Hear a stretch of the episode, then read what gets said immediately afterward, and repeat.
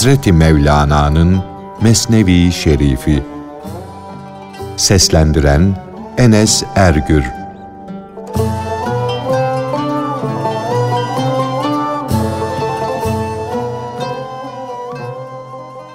Suretlere, dış güzelliklere kapılma.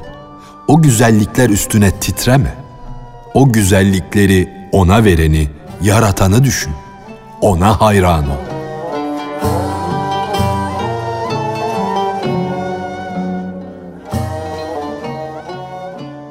Suret kadehlerinden geç. Onlara kapılma.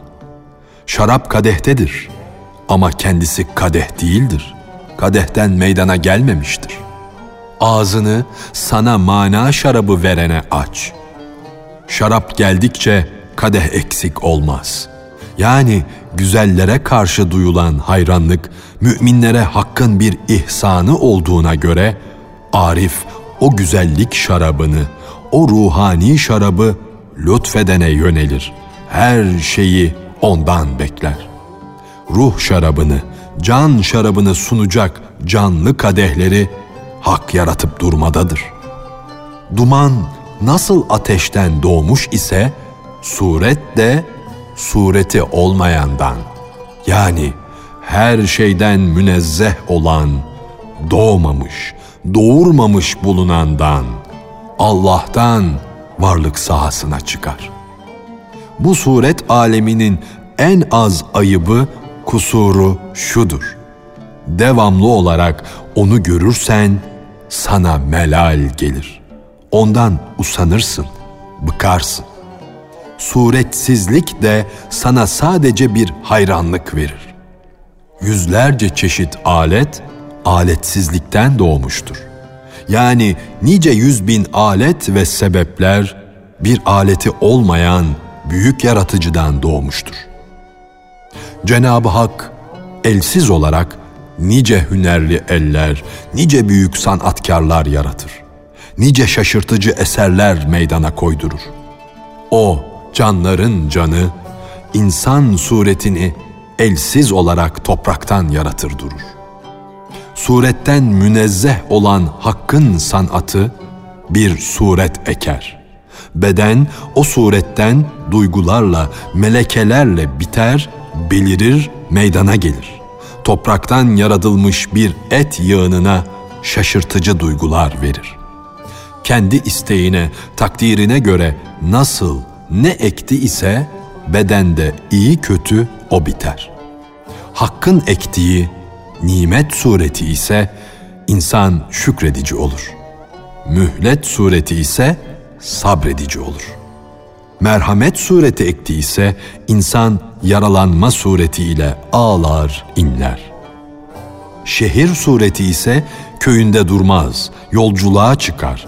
Ok sureti ise ona kalkan tutar. Hakkın ektiği güzeller suretinden görünürse zevk eder, neşelenir. Gayb suretinden görünürse halveti sever, ibadete düşer. İhtiyaç sureti insanı çalışıp çabalamaya, kazanmaya zorlar. Güçlü, kuvvetli oluşu kişiyi onun bunun malını gasp etmeye zorlar, çalıp çırpmaya atar. İnsanı uğraşmaya, didinmeye sevk eden çeşit çeşit, renk renk hayaller, hadsiz hesapsızdır. Sonsuz gidişler, sonsuz hüner ve sanatlar hep düşünce suretlerinin gölgeleridir. Mutlu insanlar damın kenarına oturmuşlar, her biri yere düşen gölgelerini seyrediyor. Sağlam damın üstünde oturanlar düşüncelerimizin şekilleri, suretleridir. Onların yaptıkları işler, hareketler de gölgeler gibi yere düşerler, aşağıda görülürler. Yapılan işler, hareketler gölgeler halinde yerde görünür. Düşünce ise gizlidir. Ama tesir ve vuslat bakımından aralarında fark yoktur, ikisi de birdir. Bir ziyafet, bir kadehten içilen içkinin suretlerinin neticesi insanın kendinden geçmesi, aklının başından gitmesidir. Bütün bu görünen suretler, bütün bu varlıklar suretten münezzeh olan, suretsiz olan ve kendini gizleyen o üstün varlığın bendesi, kulu iken neden nimet sahibini inkar ediyorlar? Bütün bu varlıklar, bütün bu görünen suretler, suretsiz olan bir yaratıcı tarafından yaratılırken neden kendilerini yaratana karşı nankörlük ediyorlar, onu inkara kalkışıyorlar? İşin şaşılacak tarafı şu ki, onu inkar eden de yine ondan meydana geliyor. Bu iş de onun aksinden başka bir şey değildir. Bir yapının duvarlarının, tavanlarının suretlerini ve her yanını onu yapan mimarın düşüncesinin gölgesi olarak bil. Mimar binayı yapmayı tasarladığı zaman taş, tahta, kireç meydanda yoktu. Ama bu hep böyledir. Gerçekten de faili mutlak olan, her şeyi yoktan var eden, dilediği gibi eserler yaratan hak suretsizdir. Suretten münezzehtir. Suret onun elindeki alete benzer. O suretten münezzeh olan yüce varlık dilediği zaman yokluk gizliliğinden kerem eder de suretlere yüz gösterir. Böylece de o her suretin kemal, güzellik, kudret, kuvvet bakımından ondan yardım elde etmesini sağlar. Derken o suretten münezzeh olan varlık yüzünü gizleyince, görünmez olunca onu görmeye, manen hissetmeye gayret sarf edenler suretler dilemek için renk, koku alemine, yine sebepler alemine başvururlar. Bir suret başka bir suretten kemal dilerse, yücelik dilerse bu hal yol şaşırtmanın, sapıklığın ta kendisidir. Yani hakkı bırakıp fani bir varlığa bağlanan, kendisi gibi aciz bir suretten kemal isteyen yolunu şaşırmıştır. Şu halde ey değersiz kişi, neden ihtiyacını senin gibi olan bir ihtiyaç sahibine arz edersin? Hakkı bırakıp da kuldan yardım istersin. Madem suretler kuldur, artık Cenabı Hakk'a suret deme. Onu suret sayma. Bir şeye benzetmeye kalkışma. Yalvar, yakar, kendini yok etmeye çalış. Çünkü düşünceden, suretlerden başka bir şey meydana gelmez. Suretten başka bir şey seni geliştirmiyorsa, seni memnun etmiyorsa, sen de benlikten kurtularak, sessiz olarak bir suret bul. Bu ruhani suret elbette senin için daha iyidir, daha hayırlıdır. Bir şehre gidersin, gittiğin, gördüğün o şehir şehrin suretidir, dış yüzüdür. Ey yolcu, seni o şehre çekip götüren sureti olmayan görme zevkidir. Yeni bir şehri tanıma merakıdır. O gittiğin şehirden duyduğun görme zevkiyle mana bakımından hoş bir aleme, mekansızlık alemine gidersin. Bir dostu görmeye gidersin. Bu gidişin onun suretini, dış yüzünü görmek için değildir. Onun görünüşünün sevgi ve şefkatle sana yakınlık göstermesindendir. Aslında sen dostunu görmeye gitmedin. Mana bakımından yine suretsizlik alemine, sonsuzluk alemine gittin. Senin bu gayeden, bu maksattan haberin bile olmadı. Çünkü sen gaflettesin. Şu halde hakikatte herkesin aradığı, yöneldiği, sevdiği ancak Allah'tır. Fakat yollar çeşit çeşit, herkesin zevkine göre ayrı ayrı. Fakat insanlardan bazıları yüzlerini kuyruğa çevirmiştir. Her ne kadar baş asıl ise de onlar başı kaybetmişlerdir. Yani başı, hakiki mabudu ve mana alemini terk etmişler, kuyruğa, dünya zevkine, süfli aleme yönelmişlerdir. Baş, bu sapıklar tarafından kaybedilmiştir. Bu sebeple kuyruk onlara başlık etmekte, emirler vermektedir. Yani hakkı bulamayan, hakkı kaybeden sapık kişiyi süfli, alçak dünya idare etmektedir. Hikmetinden sual olunmaz. Böylece birisi bu yardımı, bu gücü baştan elde eder, öteki de kuyruktan. Başkaları ise başı da kaybetmişler, kuyruğu da. Her şey kaybedilince her şey bulunur. Her şeyi kaybetme yoluna düşülürse kül'e doğru gidilir, ulaşılır. Yani her şeyi kaybetmiş olan tevhid ehlinin gözünde Allah'tan başka her şey kayboldu da ancak uluhiyet mertebesi olan kül mertebesine gidildi.''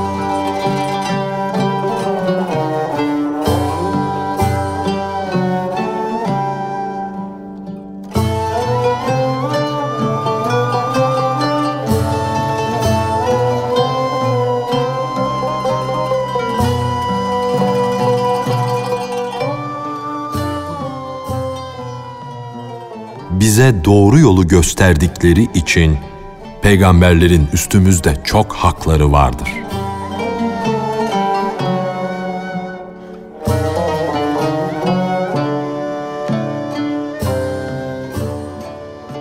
Peygamberler bize işin sonunu önceden haber vererek doğru yolu gösterdikleri için üstümüzde çok hakları vardır. Ektiğin tohumdan, dikenden başka bir şey çıkmaz. Yalnız dünya için çalışır, dünya için yaşarsan ötelere yol bulamazsın. Tohumu benden al ki mahsul versin. Benim kanadımla uç ki ötelere yol bulasın. Her nebi ümmetine, her veli de kendisine uyana böyle söyler. Sen onun olmamasına imkan bulunmadığını, mutlaka var olduğunu bilmezsin ama sonunda gerçekten varmış dersin. Sensin ama şu senin malik olduğun sen değilsin. Çünkü bu senlik sonunda senden ayrılacak, çıkıp gidecektir. Sonraki senliğin seni uyandırıp seni geldiğin yere kavuşturmak, gerçek varlığına ulaştırmak için sana gelmiştir. Sende senden başka bir sen gizli. Ne olduğunu anlayan, gerçek varlığı görebilen kişiye kul olayım. Gencin aynada gördüğünü ihtiyar ondan önce kerpiçte görür. Yani irfanı noksan olan gencin aynada gördüğünü Arif kerpiçte görür.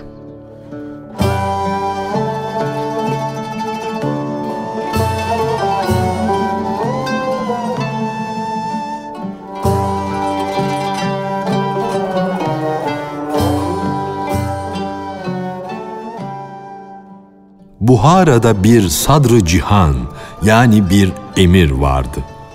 Hangi dilenci ağız açıp bir şey isterse o herkese dağıttığı sadakadan, ihsandan hiçbir şey elde edemezdi. Bilgili bir yoksul, sadrı cihanın bu huyunu unuttu da hırsının çokluğundan, aceleci olduğundan alay geçerken ondan bir şey istedi. Sadrı cihan yüzünü çevirdi geçti. Yoksul sadaka almak için her gün yeni bir hileye başvurdu. Kendini bazen bir kadın şekline soktu, çarşaf giydi, bazen kör gösterdi, yüzünü gözünü bağladı. Fakat o anlayışı ile o bilgin o yoksulu tanıdı.''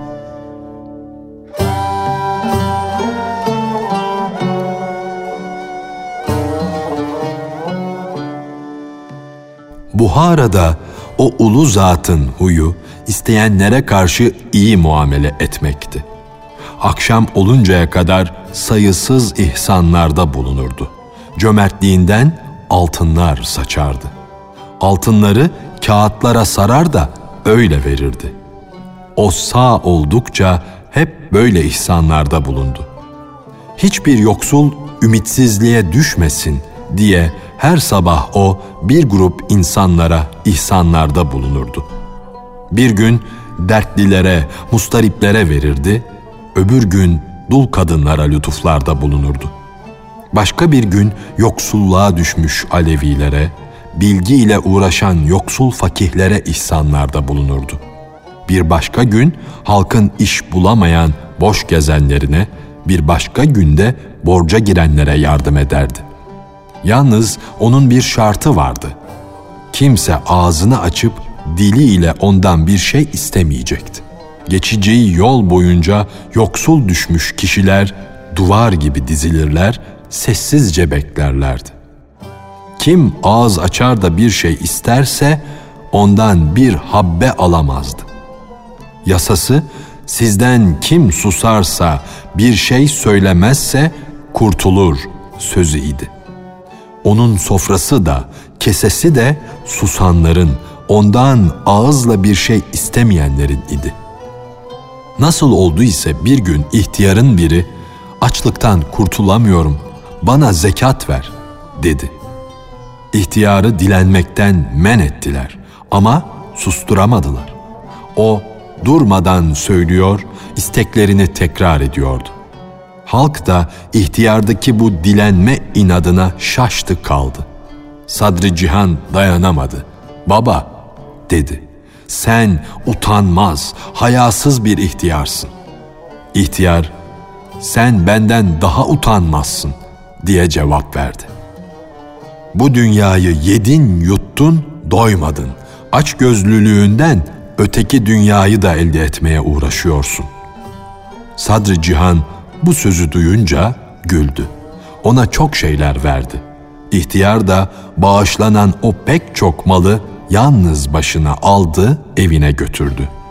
Bu ihtiyardan başka ağızla hiçbir isteyen çıkmadı ki ondan para alsın, bağış elde etsin. Sıra fakihlere, din alimlerine gelince bir fakih hırsından ansızın feryat etti. Ağladı, sızladı, yalvardı, yakardı.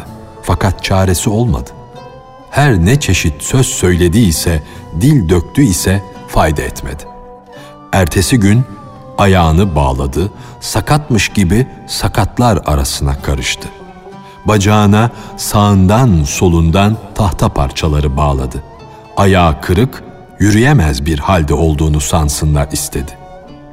Sadrı Cihan onu gördü, tanıdı, hiçbir şey vermedi. Daha ertesi gün o yoksul yüzünü bir kilim parçasıyla örttü. O zengin adam onu tanıdı. Söz söyleme suçu yüzünden ona acımadı. Ona yine hiçbir şey vermedi. Yüz çeşit hileye başvurdu fakat faydası olmadı. Ne yapacağını şaşırdı. Aciz kaldı. Bu defa da kadınlar gibi çarşafa büründü. Gidip yoksul, dul kadınların arasına girdi, oturdu. Başını önüne eğdi, tanınmasın diye ellerini gizledi. Sadrı Cihan yine onu tanıdı. Hiçbir sadaka vermedi. Adamın bu çaresizlikten, bu mahrumiyetten yüreği yandı. Bir kefen satıcıya gitti ve ona dedi ki, sabahın erken saatinde beni bir kilime sar, yol üstüne bırak. Hiç ağzını açma, kimseye bir şey söyleme. Otur, sadrı cihanın oradan geçmesini bekle. Belki görür de beni ölü sanır, kefen parası diye altın atar.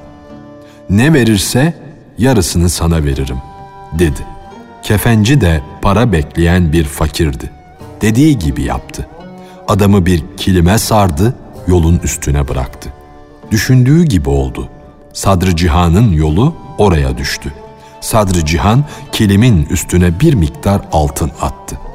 Hoca para hırsı ile acele kilimden elini çıkardı. O aceleci adam kefencinin o paraları almasına, verilen altınları gizlemesine meydan bırakmadı. Ölü kilimin altından elini çıkarıp paraları aldıktan sonra başını çıkardı. Sadrı Cihan'a dedi ki, Ey bana kerem kapılarını kapıyan, Gördün ya senin vermediklerini senden nasıl aldım. Sadrı Cihan, ey inatçı kişi dedi. Aldın, aldın ama ölmedikçe benim kapımdan bir şey elde edemedin. İşte ölmeden önce ölün sırrı budur. Çünkü ancak ölümden sonra ganimetler elde edilir. Ey inatçı kişi! Allah'a karşı ölümden başka bir şey işe yaramaz. Bir lütuf görmek, bir inayete mazhar olmak, yüzlerce çeşit çalışıp çabalamadan iyidir. Çünkü çalışıp çabalamanın yüz çeşit fesada uğramasından korkulur. Çalışıp çabalamanın fesadı çok zengin olup dünyaya gönlünü kaptırmak, heva ve hevese uymaktır. O lütuf, o inayet ölüme bağlıdır. Bu yolu ermiş kişiler denemişlerdir. Hakkın inayeti olmadan ölüm bile gelmez. Sen, sen ol da inayete sığınmadan hiçbir yerde durma.''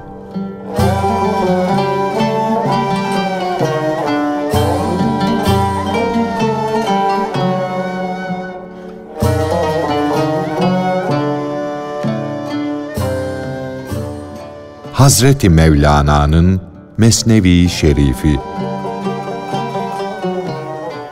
Seslendiren Enes Ergür